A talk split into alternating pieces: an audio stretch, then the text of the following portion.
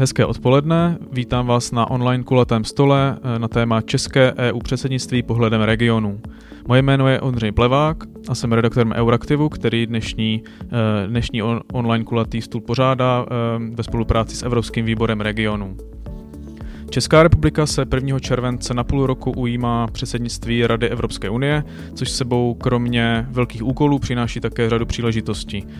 Organizování různých politických jednání a kulturních akcí eh, dává šanci dostat evropská témata do českých regionů. Rozpočtové mantinely nicméně vládu donutili umístit většinu událostí do Prahy.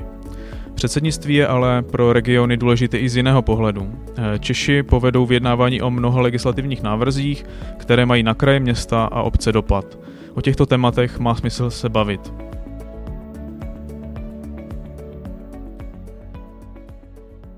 Má smysl se o nich bavit s lidmi, kteří jsou k tomu povolaní a to určitě jsou dnešní hosté.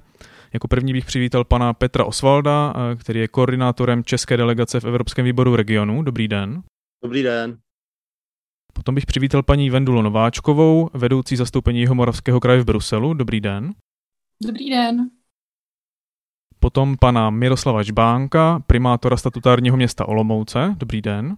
Dobrý den a paní Radku Vladikovou, která je výkonná ředitelka Svazu města obcí České republiky. Hezký den. Hezký den i vám. První téma, které by mě zajímalo od vás, tak to je eh, to, co už jsem zmiňoval v úvodu. To je, ta, to je ten fakt, že většina předsednických akcí, které pořádá vláda, tak se koná v Praze. A uh, řada komentátorů označuje tedy to předsednictví jako pragocentrické. Chci se zeptat vás, jestli si myslíte, že to předsednictví pragocentrické je, a jestli je to podle vás problém. Poprosil bych jako první uh, paní Vladikovou. Uh, to je věc vlády, jakým způsobem ona připravuje průběh českého předsednictví. My za svaz městma obcí jsme připravili projekt na, z, ve spolupráci s výborem regionu na východní partnerství a stěžení část tohoto programu budeme dělat ve spolupráci s Libereckým krajem v Liberci.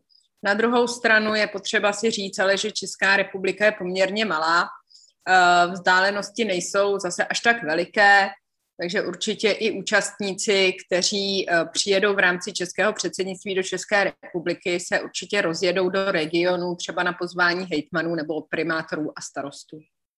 Pane Osvalde, myslíte si, eh, že je problém, že to předsednictví eh, je hlavně v Praze, že ty neformální rady, že se konají v Praze a například ne třeba v Brně nebo v Ostravě nebo v Olomouci?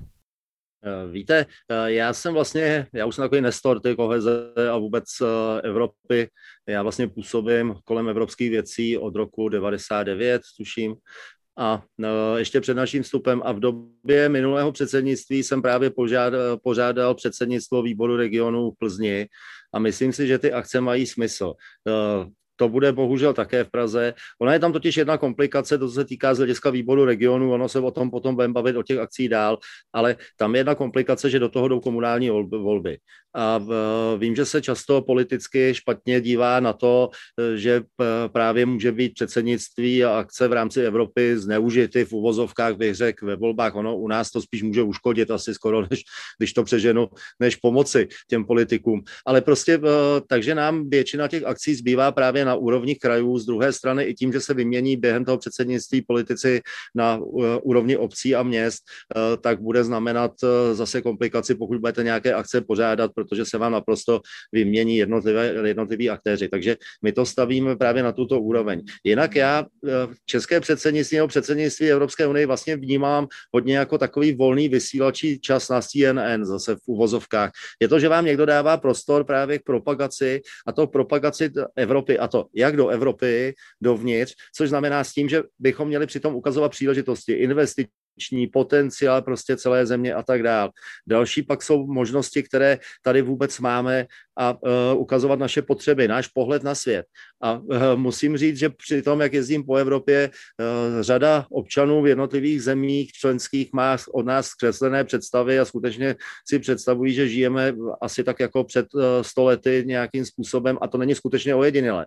Takže je dobré ukázat vůbec, jak, jaké jsme úrovni, co nabízíme a tak dále. Další pohled z tohoto vidím opačně a to je k našim občanům dolů.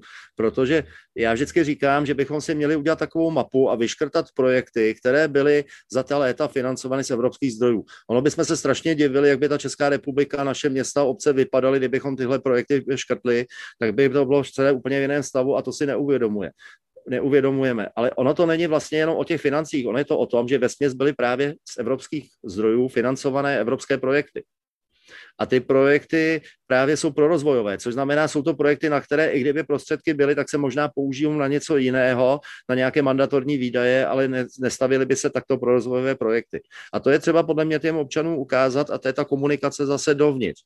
Mě trošku mrzí, protože dřív si pamatuji, jako před naším vstupem na začátku, že Evropská komise jezdila na každý projekt, skoro na každý projekt, který se otevíral, i na drobné projekty a to mělo obrovský smysl na to, že to právě udělalo těm občanům ten obrázek, že ta Evropa se skutečně o to zajímá. Jezdí tam, že to není jenom, že pošleme peníze, ale prostě řeší to s námi. A pro nás to mělo obrovskou zpětnou vazbu v tom, že my, my jsme zase tím úředníkům mohli ukázat, s čím se potýkáme v místě, protože žádný projekt, my se snažíme neustále, Evropa se snaží o šablonizaci projektů, to znamená vytvořit jednu šablonu a tam napasovat všechny.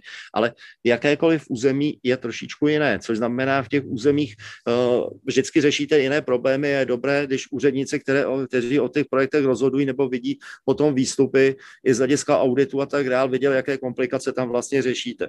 Jo. A e, já chápu, že když se vrátím tomu pragocentrickému, chápu, že byl COVID té době a že nikdo nevěděl, jak to předsednictví, ani to nevíme dnes, bude probíhat. Doufejme, že nám nespadne nakonec do online a nebudeme řešit, jestli je to pragocentrické nebo není. Ale uh, myslím si, že právě je škoda, že do těch regionů, pokud je možnost, tak je třeba tohleto ukázat ukázat a tu komunikaci dát dohromady. Ona z mého pohledu Evropa je o komunikaci. A bohužel to v rámci covidu je to přece, přece o tom, že tam jezdíme, jak výbor regionu, tak uh, zastoupení jednotlivých regionů a tak dále. A snaží se úředníkům vysvětlit náš pohled na svět. A tohle během covidu se přes ten počítač prostě dělat nedá. Tohle je jiným způsobem. Takže naopak si myslím, že naše předsednictví by mělo nastartovat zase zpátky komunikaci mezi občany, regiony a Evropou a úředníky jako takovými. Díky. Pane Žbánku, vnímáte to stejně, anebo by vám to pořádání nějaké neformální rady, například v Olomouci, jenom přidělalo starosti a i těm lidem by to možná nic nepřineslo z toho hlediska, že by se zavřela nějaká hlavní silnice a, a viděli by tam pár nějakých evropských hodnostářů, ani by neznali jejich jména a spíš by jim to uh, přišlo jako něco negativního. Jak se na to díváte?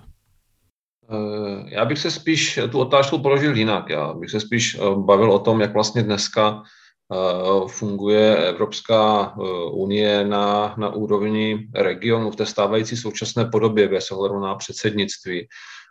My jsme provozovali síť Eurocenter, které se rozhodnutím vlády nakonec vyčlenili z těch našich informačních center a z našich sítí, to znamená z těch zaměstnanců, kteří víceméně v rámci našich magistrátních nebo městských úřadů eh, vykonávali tu eh, edukační euro, euro osvětu, zejména třeba na základních školách a a já se přiznám, že jsem trošku zjišťoval vlastně, jak dneska uh, ty Eurodirecty fungují a jak se vlastně uh, evropské předsednictví komunikuje, například na úrovni základní školy, aby vůbec jako občané, děti, mládež, studenti věděli, co to, co to znamená předsedat EU. A, a ta moje informace od kolegů z, z radnice je taková, že, že se neděje téměř nic. Takže jestliže v podstatě eh, příliš nefunguje ani eh, ta základní osvěta eh, o tom, co je Evropská unie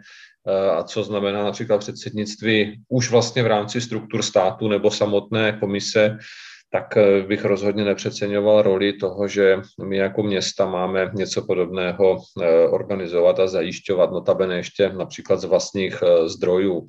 Eh, já jsem čekal, že se objeví projekty, eh, jich se budeme účastnit, které například úřad vlády eh, bude nějakým způsobem chtít v rámci toho území a českého předsednictví realizovat. Nic takového se mi na stůl a ptal jsem se ani mým kolegům nedostalo, takže já jsem do jisté míry i rád, že vlastně nemusíme z vlastní iniciativy nic moc pořádat a organizovat a zajišťovat a, a je to odpovědnost vlády, jak to předsednictví zvládne a nebude se tak jako v jiných případech přenášet ať už finančně nebo i, i řekněme v té odpovědnosti organizační na samozprávy. Trošku mě mrzí, my jsme měli představu o tom, že například s našimi partnerskými městy v rámci nějakého centrálního programu Sister Cities bychom třeba uspořádali i, i, i, i setkání a i projekty a čekali jsme, že budeme moct využít některé finanční nástroje, Eh, dotační podpory k tomu, abychom eh, podobnou aktivitu mohli zorganizovat. My jsme ji dělali jako město v minulosti sami, dělali jsme ji eh, v rámci našich partnerských měst, zejména s akcentem na V4, to znamená s těmi partnerskými městy, které máme v rámci Maďarska, Slovenska, Polska. Letos nám běží v Olomouci česko-polský rok, máme za sebou česko-maďarský, československý, Eh, kde jsme dělali spoustu setkání eh, partnerských měst a, a byli jsme tak trošku připraveni podobný projekt udělat i letos v rámci předsednictví, ale vlastně nenašli jsme žádnou eh, poptávku ze strany úřadu vlády po něčem takovém, něco takového organizovat a investovat do toho peníze z městského rozpočtu. Paní Nováčková, mluvilo se o tom, Vzhledem k tomu, že několik ministrů je původně z Brna, že by se nějaké akce mohly do Brna přesunout, mrzí vás, že se tam nakonec nepřesunuli? Nebo, nebo uh, podle vás je lepší, že, že ty rady se opravdu organizují jenom v Praze? Tak já když to vezmu ještě, uh, dejme tomu rok a půl zpátky, kdy se začalo připravovat české předsednictví, tak my jsme se snažili uh, vlastně měli jsme schůzky s některými kolegy z úřadu vlády, že bychom eh, stáli o to, aby, aby některé z těch rad se konaly eh, v Brně, potažmo v Jihomoravském kraji. A když nám vlastně bylo řečeno, že na to nejsou finance, není, není na to ani personální zajištění, tak, tak jsme pak začali vlastně řešit další možný program, jak, jak bychom se mohli zviditelnit během, během předsednictví. Tak, takže jsme se spíš pak přizpůsobili vlastně té situaci, která, která nastala a kterou, která se vykrystalizovala. Když by přišla, přišla možnost uh, konání nějakých rad vlastně během podzimu, spíš uh, zimy až teď vlastně před předsednictvím, tak si myslím, že by nám to možná i komplikovalo, komplikovalo naši situaci, protože, protože těch akcí, které pořádáme, Eh, ať už s kolegy přímo z krajského úřadu nebo v, eh, s dalšími kolegy v, eh, v rámci univerzit nebo Jihomoravského inovačního centra a, a dále, tak, tak vlastně nevím, jestli by na to byly uh, u nás kapacity. Takže my jsme se vlastně přizpůsobili tomu, že, že uh, úřad vlády nechce nebo nemůže uh, dělat akce mimo Prahu a a spojili jsme se i třeba právě s výborem regionu a proběhnou, uh, proběhne několik výjezdních zasedání výboru regionu uh, u nás v kraji uh, a plno dalších akcí. Domluvili jsme se vlastně s kolegy, že, že není potřeba vlastně úplně vymýšlet nějaké nové akce jenom kvůli uh, to českému předsednictví, ale že, že v kraji uh, funguje několik akcí, které je fajn zviditelnit uh, právě uh, díky českému předsednictví, takže jsme takhle požádali o úřad vlády aspoň o záštitu, abychom mohli uh, využívat alespoň loga a, spíš jsme se prostě nějak při, snažili přizpůsobit situaci a, a využít aspoň toho, co jde. Děkuju. Eh, vy jste nám hezky navázala na to druhé téma, kterým, kterým jsme se měli zabývat, a to, je, to jsou právě ty konkrétní akce. Eh, hezky, hezky to navazuje i na to, co říkal pan Oswald, že to předsednictví je nějak, nějaký, eh, nějaké plátno nepopsané, které, které vlastně lze využít. Eh, paní Vladiková, co, co s vás města obcí plánuje v rámci předsednictví a nemusí to být tedy jenom ve spolupráci s úřadem vlády, ale může to být i po té vlastní ose. Vy už jste něco zmiňovala, tak jestli můžete být konkrétnější. My máme projekt, který dlouhodobě připravujeme. My jsme tak jako i ostatní kolegové, co mluvili, samozřejmě žádali vládu, že svaz města obcí by velmi rád v rámci předsednictví uspořádal třeba setkání uh, CEMRu, což je Evropská organizace združující samozprávy, v rámci teda politického výboru CEMRu a tak dále, ale samozřejmě jsou to velmi nákladné akce a žádali jsme na to finance. Finance jsme nedostali, tak jsme se rozhodli jít menším projektem, který je v rámci východního partnerství, v době, kdy jsme ten projekt připravovali, tak jsme vůbec netušili, co se stane na Ukrajině. A už eh, tehdy ten projekt ale byl připravován na rezilienci měst a obcí. Rezilientní obec jako základ eh, odolného, hovnoževnatého, flexibilního státu. Eh, ten projekt se vzhledem k té situaci na Ukrajině eh, lehce upravuje, ale bude stále zaměřen na to, co vlastně města a obcí, obce, svaz města obcí dělají a děláme dlouhodobě a to je vzájemná pomoc a přátelství a výměna zkušeností na mezinárodní úrovni. Takže tento projekt eh, budeme připravovat. Získali jsme eh, záštitu ministra eh, zahraničních věcí, připravujeme ho ve spolupráci s ministerstvem zahraničí. Získali jsme na to pak i finanční prostředky, jak od ministerstva zahraničních věcí, částečně České rozvojové agentury, tak jsme získali finance i z, Evrop- i z Evropy. Je to takový malý projekt, nicméně pro municipality určitě velmi přínosný. Eh, to, do jaké míry ovlivní nakonec život občanů, může být velmi významné právě i k té situaci, která na východ od našich hranic momentálně je.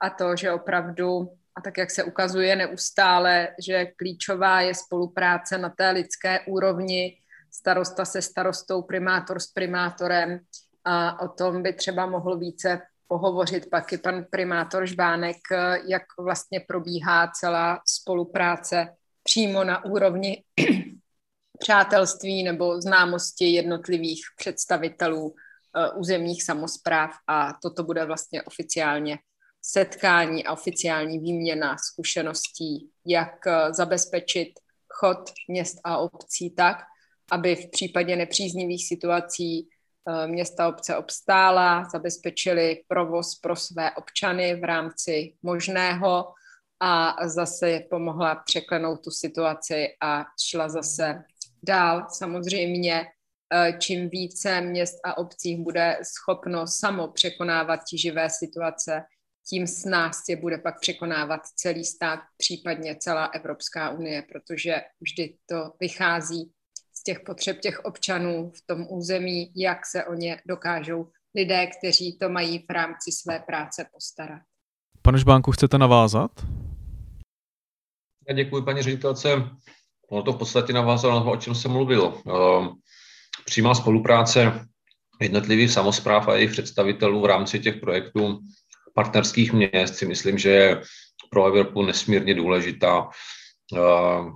My máme vlastní zkušenosti, zejména s těmi zeměmi toho bývalého uh, socialistického bloku, ať už je to Slovensko, Maďarsko, Polsko, ale i uh, jsou partnerství i uh, s Balkánem a, a nebo s těmi bývalými sovětskými republikami mezi dalšími městy u nás.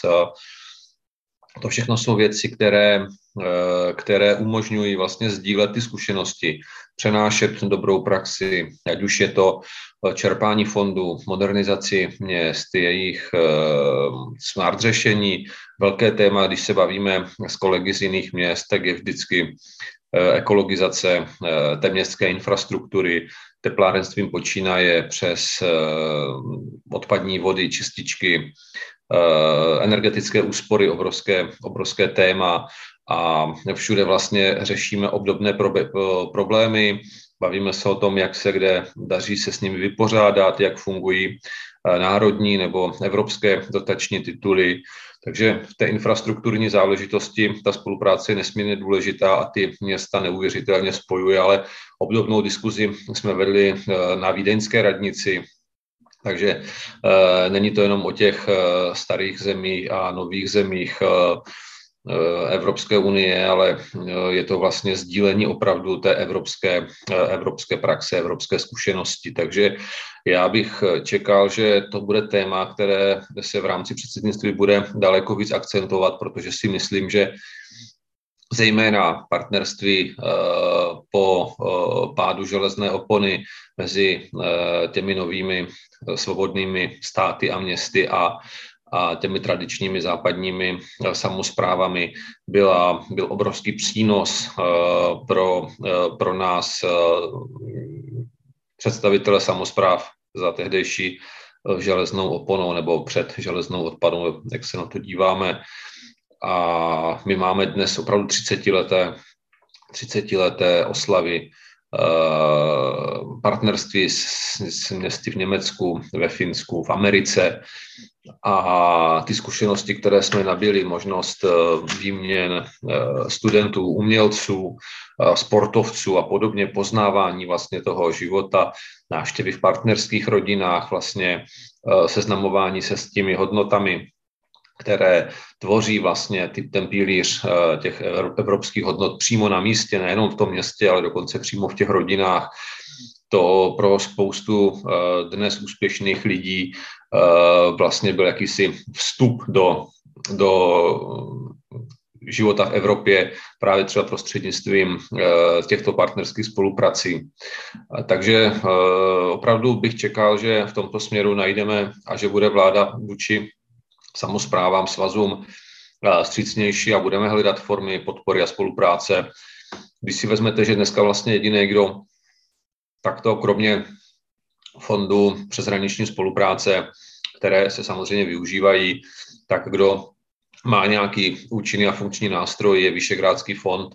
My jsme z něj taky čerpali prostředky na eh, velké setkání zástupců samozpráv v Olomouci eh, zemi Vyšegrádu ve, na téma Smart Cities a mělo to ohromný ohlas, ohromný úspěch mezi těmi představiteli těch samozpráv a přijeli nám přednášet zástupci Tampere, finského, který je dneska globálním lídrem ve smart řešeních na úrovni samozprávy, takže propojilo se vlastně, propojily se ty vyšegradské země s, s úspěšnou severskou zemí, jejíž ekonomika, ale myslím si, že i obecně kultura a filozofie je v mnohem velmi, velmi inspirativní, jakkoliv se může zdát geograficky vzdálená. Takže tady opravdu je pole pro obrovské obrovské množství uh, úspěšně, uh, úspěšných projektů, nebo z mého pohledu aspoň úspěšných projektů,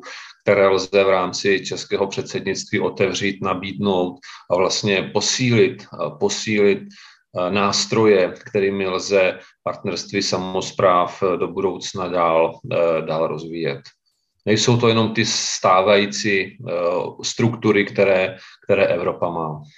Pane Osvalde, máte stejný pocit, že, eh, že vláda v rámci přesnictví nemyslí na to regionální partnerství, na vůbec eh, tady tu regionální dimenzi? Za to bych neobvinoval asi úplně tuhle vládu. Tohle je věc historicky asi daná v České republice už někdy od začátku prostě vůbec naší podevoluční doby Eh, protože řada zemí na západě, a to je věc, kterou bychom zrovna měli okoukat, právě využívá toto partnerství eh, mezi obcemi a mezi regiony eh, k vůbec prosazení se jak biznisovému v těch jednotlivých zemích, tak nastavení spolupráce prostě celkové.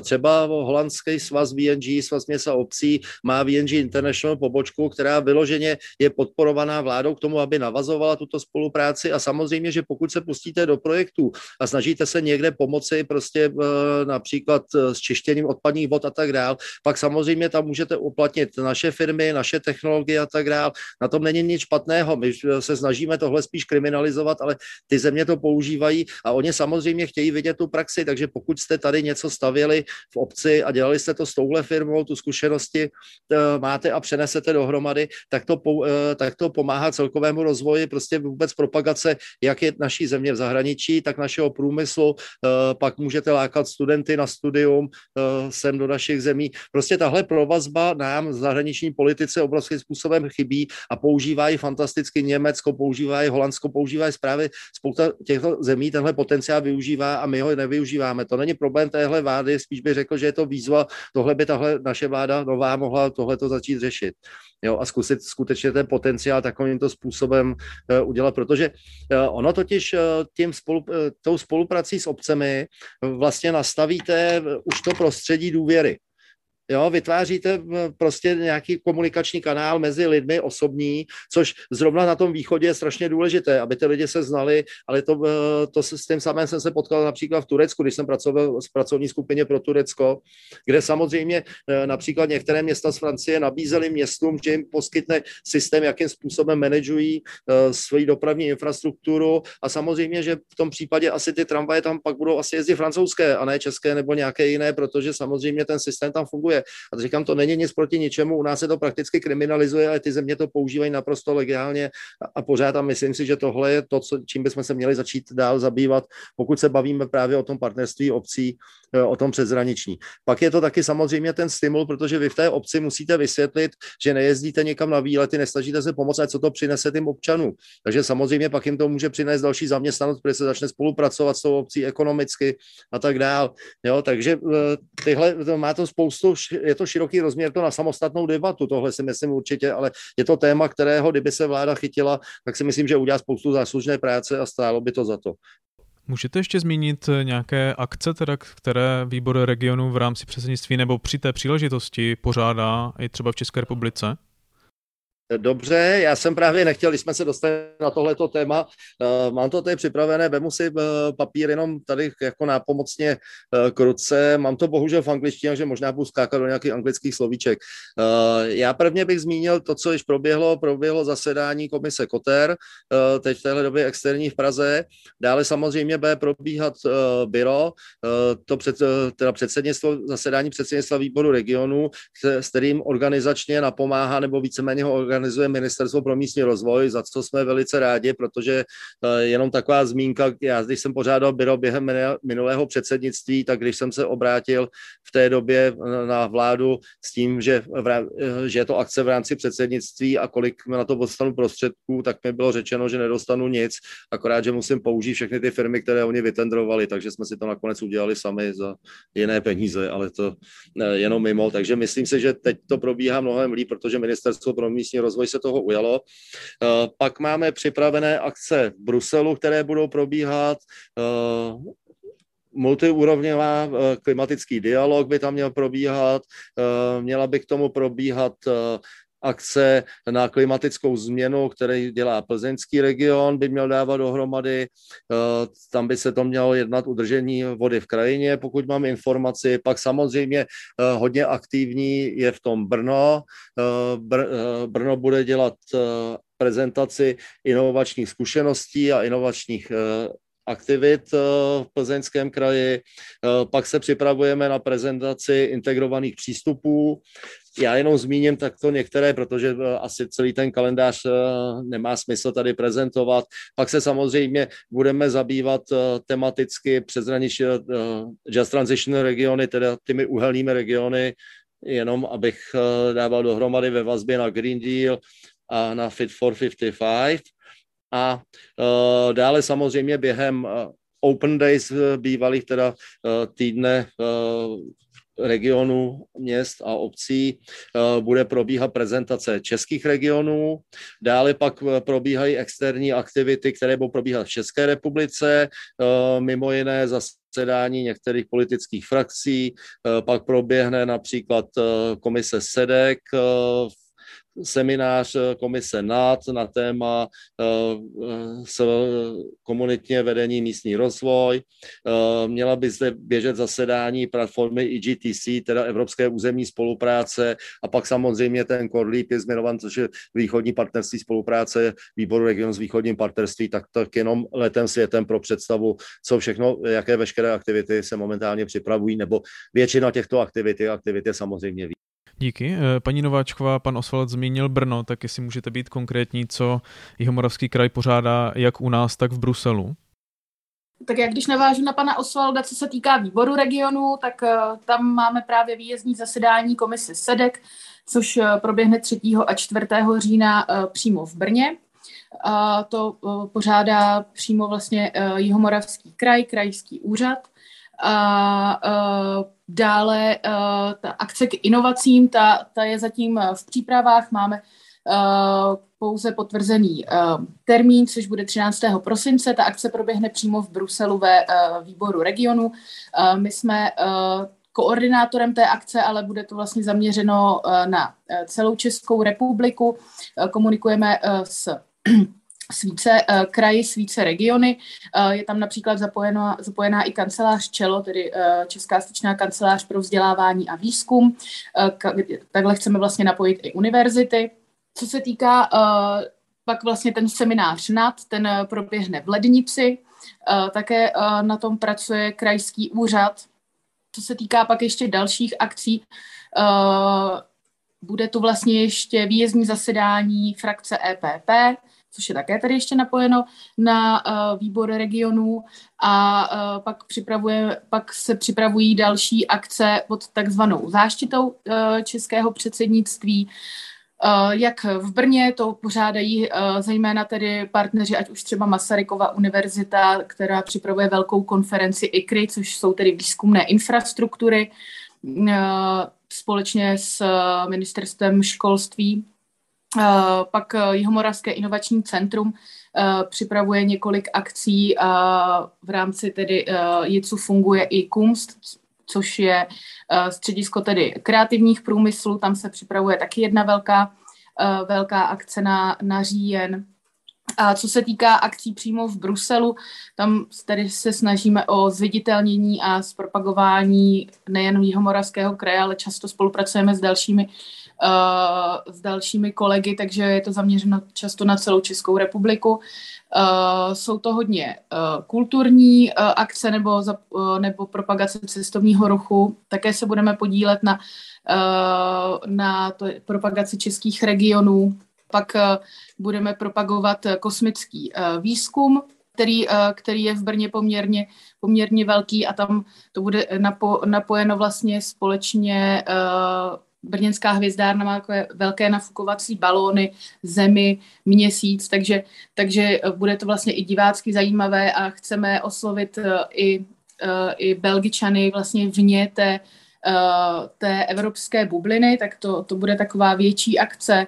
Uh, několik akcí máme společně s Českým centrem, takže se zaměříme se například i třeba na udržitelnou módu, několik akcí s uh, kanceláří Čelo, takže jak klasicky pořádáme Science Cafe, tentokrát chceme udělat ve větší verzi v takzvané britské debatě a pak ještě další, další menší akce, ale myslím si, že tak pro, pro nějaký souhrn jsem to, jsem to zhrnula snad vše.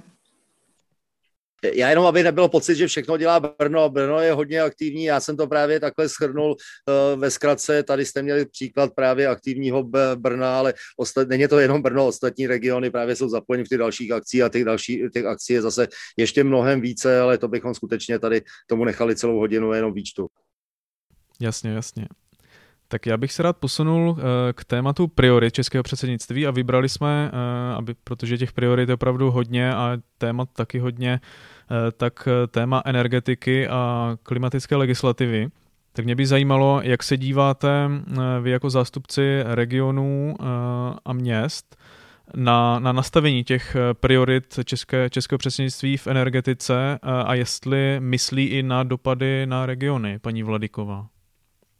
Vlastně obcí měl svůj sněm loni na podzim a v rámci sněmu Svazu města obcí byla přijata výzva pro Senát, protože v té době právě v Senátu probíhalo přijímání uh, zelené legislativy, protože bylo období, uh, kdy nebyla ještě ustanovena vláda.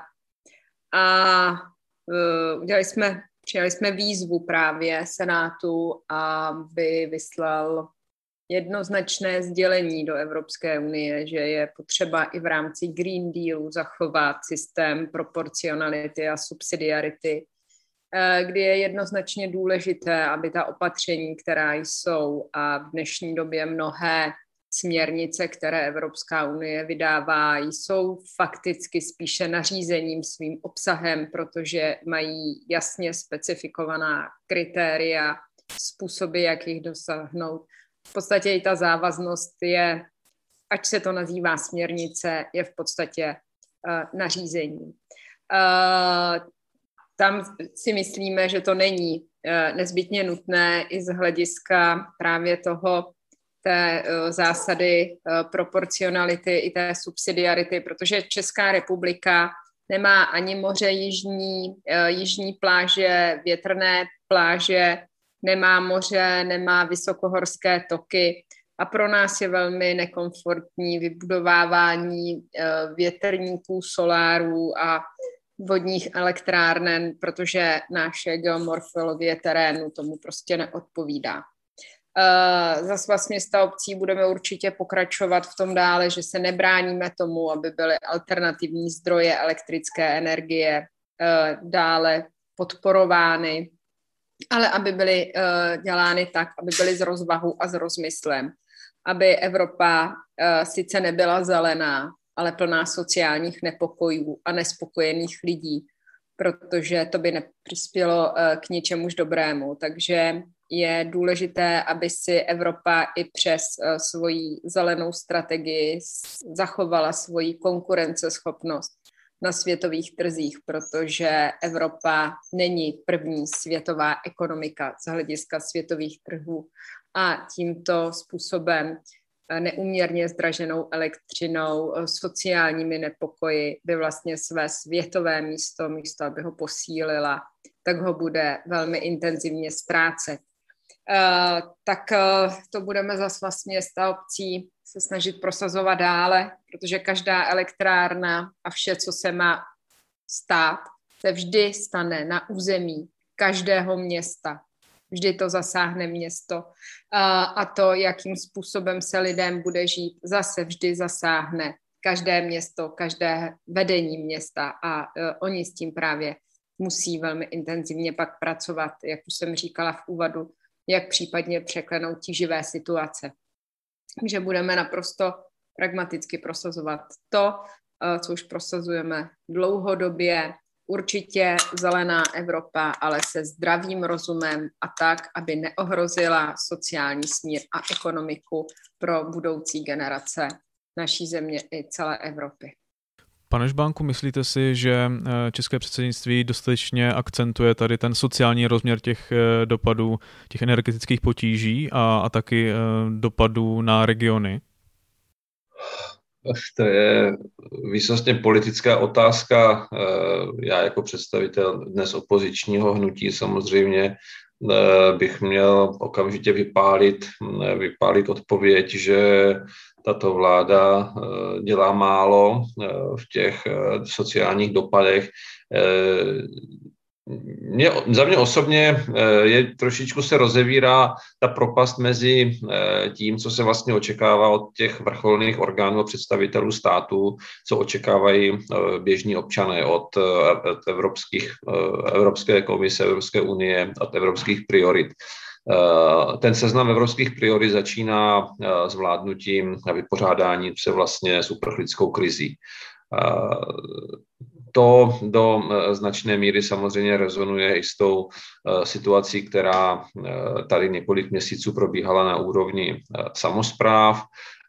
Na druhou stranu vidíte, jak se i ta politická retorika, konkrétně u nás, ale nejsme jediní, pomalinku začíná obracet vůči každému, kdo dnes chce nějakým způsobem řešit uh, Ukrajinu a, a, a to slovíčko samotné Ukrajina, přívlastek ukrajinský, začíná mít pejorativní nádech uh, a je právě, a je to souvisí, souvisí to uh, s tou politickou retorikou, řešíte jenom Ukrajinu, neřešíte dopady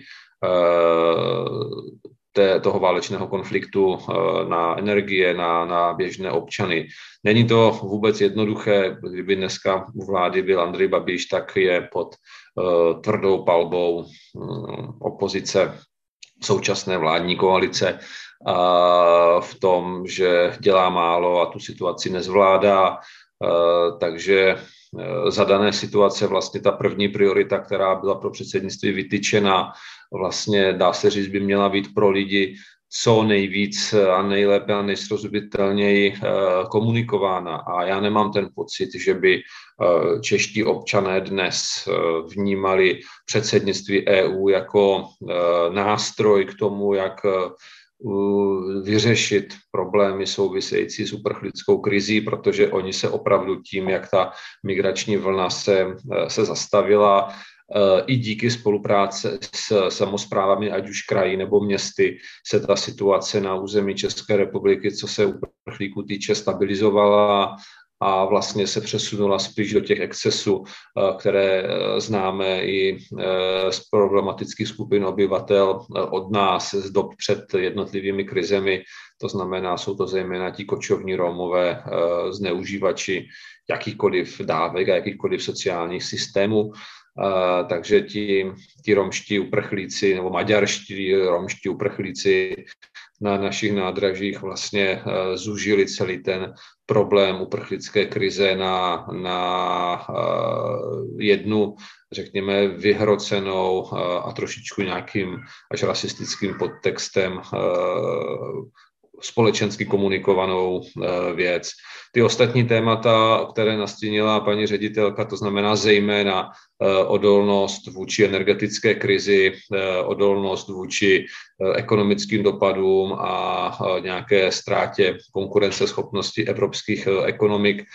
To už jsou věci, které se obávám, že běžní občané v těch návrzích těch řešení příliš nepoberou, protože jsou to už natolik eh, sofistikovaná témata, natolik náročná témata, že dneska se snažit jednoduše vysvětlovat taxonomii nebo do not significant hard a podobné, podobné v podstatě slovíčka, které souvisí s těmi environmentálními globálními otázkami, eh, se v podstatě nedá jednoduše akcentovat a všechno to stejně skončí u, u, u toho, že Green Deal jenom prodražuje a, a zhoršuje uh, tu situaci s dostupností, uh, cenovou dostupností uh, energií pro běžného občana. Takže tady si pořád myslím, že máme co dělat a nezaznamenal jsem nějaký, nějakou jednodušší, marketingově srozumitelnou, vlastně informační komunikační linku, co v tomto směru chce Evropa dělat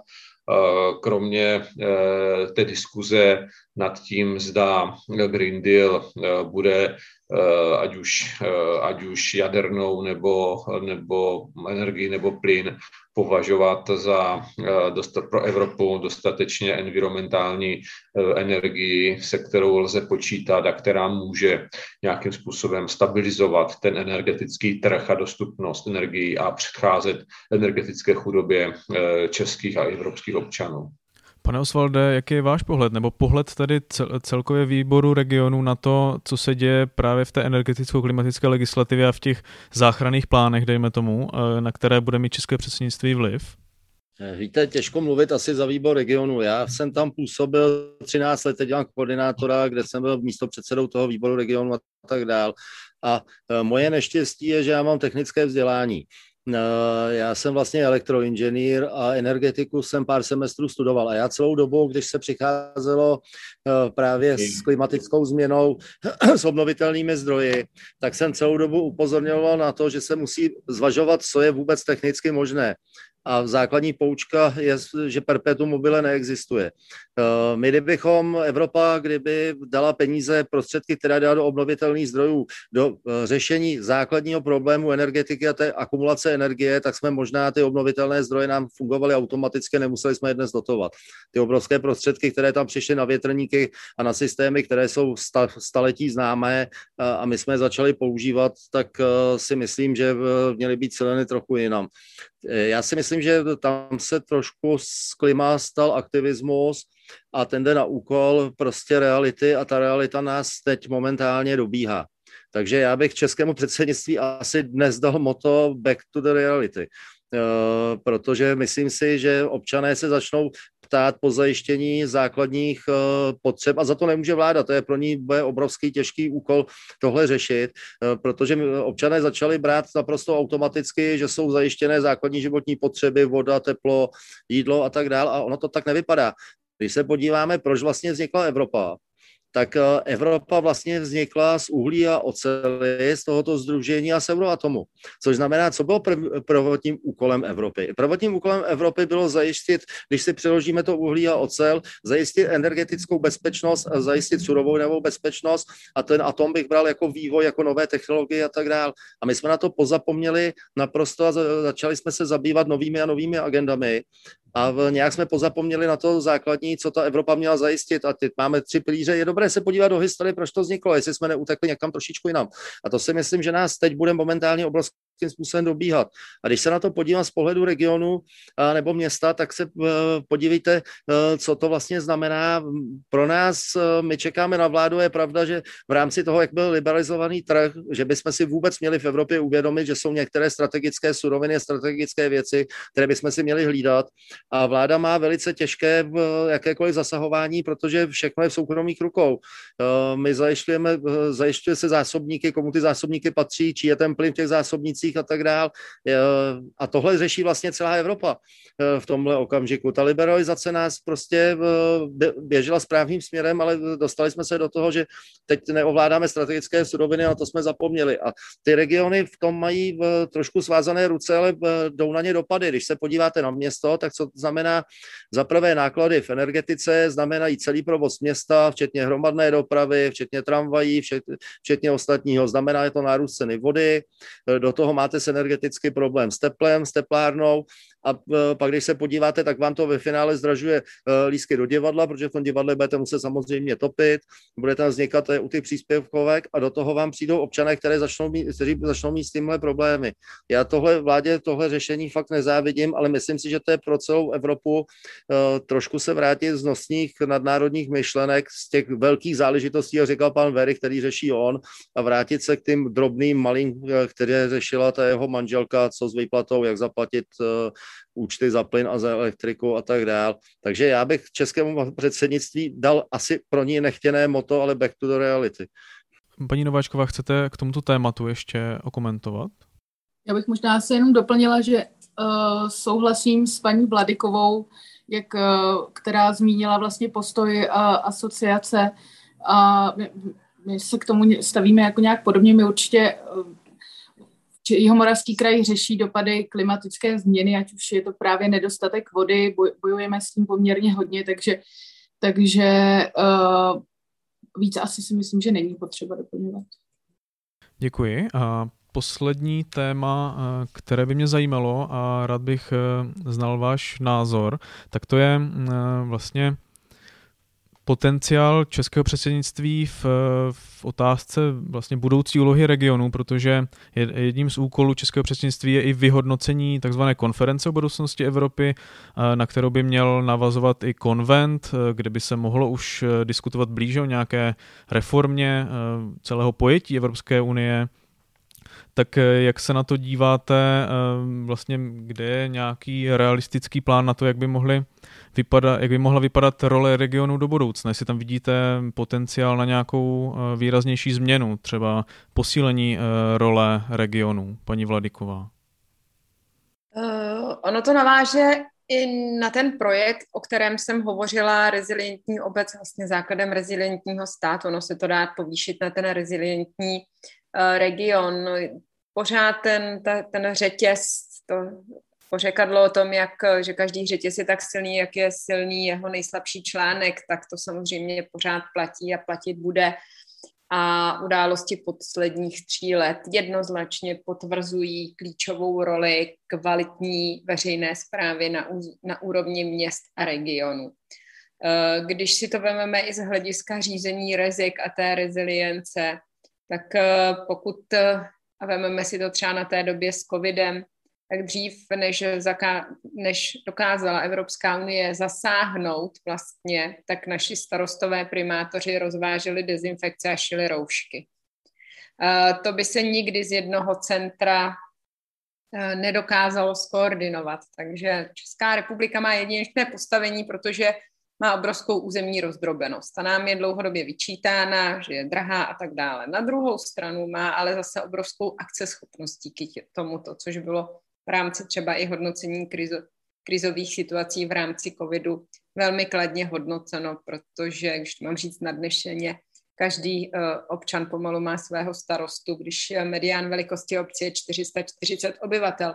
uh, tak uh, je to o tom, že jednoznačně to, co je i v rámci Rady Evropy a charty územních samozpráv a uvědomovali si to všechny vlády před náma po staletí zpátky, a vlastně celá veřejná zpráva vznikla obráceně, vznikla z rodového, kmenového řízení společnosti. Uh, tak uh, možná i to, co říkal zpátky do minulosti, zpátky do minulosti, zpátky ke zdravému rozumu a vlastně k celé té podstatě toho, proč jsou regiony, proč jsou města, proč je stát, jakou mají plnit roli, kde už to překmitlo tam, kde už je to vlastně škodlivé, protože jak ten stát, tak ty regiony by měly mít své hlavní poslání a to je vytvářet prostor pro to, aby se lidem dobře žilo, dobře fungovalo, dobře pracovalo, dobře se odpočívalo, setkávalo s přáteli. A to vlastně byla hlavní myšlenka uh, celého vzniku rodových a kmenových a pak státních zřízení žít a přežít a vlastně zachovat to, co vybudovali naši předci pro zase naše děti a další generace. A tak, jak byla ta konference o budoucnosti Evropy, tak ty otázky byly rozesílány, když to mám říct, vlastně v době klidu a míru, eh, tak jak byl ten dotazník nastaven. A občané odpovídali podle toho, že byli v relativně dobrém blahobytu a tak řešili, jestli mají státy hlasovat trošku víc eh, poměrově takhle nebo onakle a um, aby tam byla teda nějaká diskriminace, transparentnost a tak. Domnívám se, že kdybychom ten dotazník rozesílali nyní, uh, tak občané už budou reagovat úplně jinak, budou mít už úplně jiné priority a když se mám vrátit k té celé podstatě, tak budou mít v podstatě priority, které, které budou odrážet to základní, žít a přežít. Protože pokud nebudeme vědět, jestli Eh, budeme mít v zimě na to, abychom měli elektrickou energii, abychom zatopili a uvařili našim dětem, tak nám bude tak trochu jedno, eh, jakým poměrem kdo bude hlasovat v rámci eh, Evropské unie nebo kolik bude poslanců a tak dále. Tak tahle doba nám ukázala, že jsme trošku zapomněli na to, že se také nemusíme mít tak skvěle a úžasně, jak jsme si 30 nebo vlastně od války, že od poslední druhé světové války mysleli, že se můžeme mít stále dobře a možná to bude doba zpátky, eh, návratu zpátky ke kořenům a zpátky k té podstatě, tak eh, možná i to vyhodnocení toho dotazníku nebo té diskuze se nám vlivem těch událostí posledních let překlopí do jiného Eh, do jiných priorit, které Evropa bude muset řešit, aby se úplně nerozpadla, protože nic jiného ji nemůže zrušit nebo narušit její fungování víc, než by byly případné vnitřní nepokoje. To by nás rozkolísalo a tím pádem bychom ztratili výsostné postavení, které Evropa 50 let od války se snažila budovat. Takže asi tak, takto.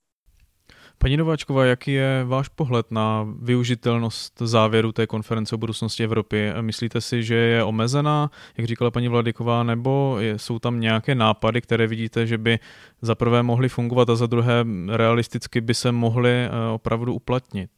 Já bych možná ještě prvně zmínila, že, že mi přijde, že i když eh, ta snaha o rozšíření vůbec povědomí o tom, že, že konference o budoucnosti Evropy vlastně probíhala, tak mi přijde, že mezi občany minimálně v České republice to prostě nebylo, až tolik to nezarezonovalo. Uh, zároveň taky uh, mi přijde, že mnoho lidí, když už uh, zjistilo vlastně co, nebo že, že to vlastně, že to probíhá, tak, tak vůbec neví, co si, co si, co si pod tím představit. I když my jsme pořádali nějaké akce právě na toto téma, tak tak eh, tam často tahle otázka rezonovala, což uh, takže, takže si myslím, že už, už i tohle je takový jako problém, ono, ono je to problém asi obecně Evropské unie a tady, tady se to ukázalo, ukázalo ještě o to víc. Co, co se pak týká vlastně těch výstupů konference. Tam je pravda, že mnoho politiků vlastně evropských čekalo na tu konferenci, čekalo vlastně na ty výsledky, ale je pravda, že ona, ona začala vlastně v úplně jiných podmínkách, než, než máme teď, teď výsledky, takže takže si, taky si nejsem jistá, jak si, jak si s nimi dokážeme poradit a, um, a jestli to pro nás bude mít ten, ten výsledek, který, který všichni očekáváme, protože, protože ta, ta doba se teď tak, tak rychle mění, takže, takže úplně, úplně nedokážu říct, jak, jak to bude vypadat. Pane Osvalde, máte ten stejný pocit, že, že t- využitelnost té konference je velice omezená, nebo tam vidíte nějaký, nějaký nápad, který by se uh, mohl uplatnit uh, z hlediska regionu? Víte, uh, vždycky když se dělá takhle široká akce nebo takhle široký průzkum, tak vám ty nápady v tom víceméně zaniknou. Ty máte někde bokem a vypadne z toho ten výsledek. Nechci tady probírat, jakým způsobem se dělají veřejný projednání, jakým způsobem se dají ovlivňovat a tak dál. Eh, to ani nemyslím, že to někdo použil, ale samozřejmě vám v tom množství to prostě zanikne.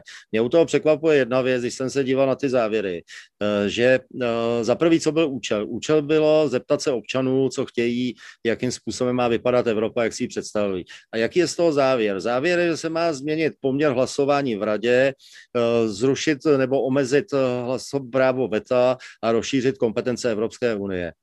Když se zeptáte občanů, 99,9% lidí neví, jakým způsobem Evropa rozhoduje. No, nevím, kde k tím závěrům eh, vlastně ta konference přišla a třeba to vědí, já nevím, jako možná se mýlim ale já si obecně, ať se vrátím k tomu, eh, jak použít tuto konferenci. Já si totiž myslím, že tam jsou dva body. Za prvý, ta konference by podle mě měla být permanentní, ale měla by se uzavírat z mého pohledu, eh, protože samozřejmě ty podmínky se obrovským způsobem změnily. A eh, měla by probíhat regionálně. My jsme si vždycky, já si nemyslím, že by tam mělo dojít k tomu, že by se měli použít ty, ten výsledek vlastně koncentrovat ten výstup, ale naopak by se měl diverzifikovat, protože přece evropské cíle celá Evropa je hrozně rozmanitá. Eh, když srovnáte rumunskou vesnici a srovnáte Lucemburg, nemůžete k tomu postupu přistupovat stejně, prostě, když to vemu, těm omlouvám se Rumunům i Lucemburku, jako v tomhle, v tom, že jsem si je vzal jako příklad. Ale uh, přece ty evropské cíle potřebujeme uplatňovat uh, určitých podmínkách. Já vždycky jsem byl zastáncem a těžoval jsem, dělal jsem na to i stanoviska place-based approach, to znamená pracovat podle podmínek v místě. Což znamená naopak tu, konf- tu konferenci bych rozdělil a snažil bych se najít od občanů názory, jak dosáhnout těch evropských cílů právě za podmínek, které v tom místě jsou. A to si myslím, že je naprosto prostě klíčové a podstatné. A jenom k těm regionům, já když jsem přišel do Bruselu, tak eh, se skloňovala Evropa regionu. O tom jsem mluvil obrovským způsobem a myslím si, že postupně dochází dál k nacionalizaci, ne ve smyslu, jako to, ale víceméně, že větší roli hrají státy a Evropa víc komunikuje ze státy a s těmito celky než z regiony. A myslím si, že to je náš i boj o to zvýšení úlohy výboru regionu, protože si myslím, že to je velice podstatné. Ono totiž základem té Evropy, když se podíváte, státy vznikají a zanikají, ale města a obce jsou tady po staletí. Ty zůstávají. Pane Žbánku, jaký je váš pohled eh, tady vůbec na tu celkovou debatu o tom, jak by měla Evropská unie vypadat do budoucna? Vidíte tam někde nějaký impuls, že by se měla změnit nějakým směrem? Když se o Evropu občané nezajímají, tak eh, a potom se jich z ničeho nic zeptáte, a to je prostě příklad Česka, netvařme se, že není, tak eh, nemůžete čekat, že dostanete nějaké eh, validní informace, použitelné, aplikovatelné a podobně. Já se zpátky vrátím k té spolupráci na úrovni samozpráv a partnerských měst. Vždy, když se potkáme s představiteli těch jednotlivých municipalit, tak eh, se točíme kolem několika základních otázek. Vlastně to je taková ta komparace toho, toho života v Evropě, zejména v té eh, transformované eh, východní části Evropy a té tradiční, tradiční západní části Evropy. A lidé prostě, nebo i ti kolegové na úrovni těch municipalit se, se ptají, jak u vás funguje Eh, vlastně ta městská infrastruktura, z čeho je financována, jak, v jakém je stavu, co se s ní děje, jaké s ní máte plány, z čeho to budete financovat, jakou má mít podobu. Eh, ale dřív nebo později ta debata přejde k věcem, které jsou víc blízké lidem, to znamená, chtějí vědět, jak je dostupná sociální péče, zdravotní péče, jak funguje školství. Jo, to jsou prostě věci, které které uh, lidi běžně zajímají a srovnávají svou životní úroveň, dostupnost, eh, dostupnost těch jednotlivých služeb, veřejných služeb a toho, toho komfortu a jakési bezpečnosti, obecné bezpečnosti a odolnosti uh, té společnosti vůči jakýmkoliv krizím a výkyvům a samozřejmě dneska, když se bavím s, se zástupci našich partnerských měst, tak eh, se bavíme také na téma, eh, jak na vás dopadají energie, máte je zajištěné, jaká je odolnost vůči energetické krizi vašeho města, vašich občanů a podobně. Takže ti lidé si sami definují věci, co je zajímají a samozřejmě logicky si z toho přebírají to, co se jim líbí, to, co zvyšuje komfort a kvalitu života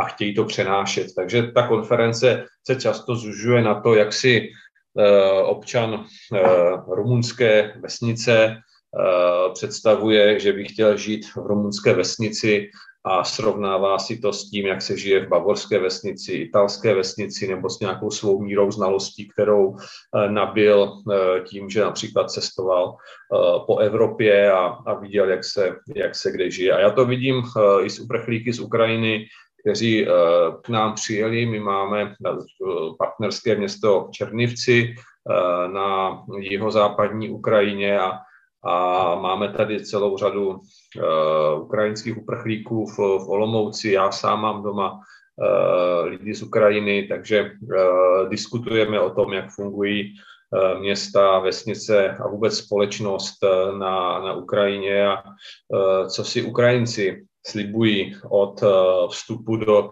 Evropské unie a protože my už jsme na to trošku zapomněli, jak to tady fungovalo před, eh, před vstupem EU a teď nemyslím to před vstupní období, ale, ale třeba po revoluční období a, a jaké jsme o tom měli, jaké jsme měli očekávání a eh, co nám to, co nám to přineslo. A dneska to vnímáme jako samozřejmé věci, které, které běžný Ukrajinec na menším městě, které je vzdáleno víc než 150 km od Kijeva v podstatě, eh, které vnímá a, a když zažil život eh, na západě, které by rád implementoval vlastně do svého rodného města nebo do své rodné vsi. Takže uh, jsou to ty standardy, standardy toho, co zajišťuje stát nebo veřejná, veřejná zpráva, samozpráva uh, svým občanům uh, od těch od těch eh, velkých, jako, je, jako jsou justiční záležitosti, obrané záležitosti státu, až po sečení trávy a odvoz popelnic eh, od jejich, eh, od jejich domů. Takže tady jsou obrovské, obrovské možnosti vlastně komparovat ty, ten, ten den život a, a snažit se nastavit jakýsi v úvozovkách evropský standard života, který bychom si asi všichni měli dopřát měl by být vlastně součástí, konec konců je to taky ta myšlenka koheze eh, a využívání evropských peněz, eh, která, která je na tom vlastně celá postavená a, a nedělá bych v tom zase až tak nějakou velkou, velkou vědu. Děkuji moc, tak eh, hodinka nám uplynula, tak myslím, že jsme zhrnuli všechny, eh, všechna témata, která jsme si dopředu eh, stanovili. Takže já moc poděkuji za účast na dnešním kulatém stole panu Petru Osvaldovi, paní Vendule Nováčkové, panu Miroslavu Žbánkovi a paní Radce Vladikové. A taky poděkuji na závěr ještě Evropskému výboru regionu za to, že nám akci podpořil. Díky a přeji hezký zbytek dne. Děkujeme a nashledanou. Hezký den, nashledanou. Pěkný den, naschle. Naschle.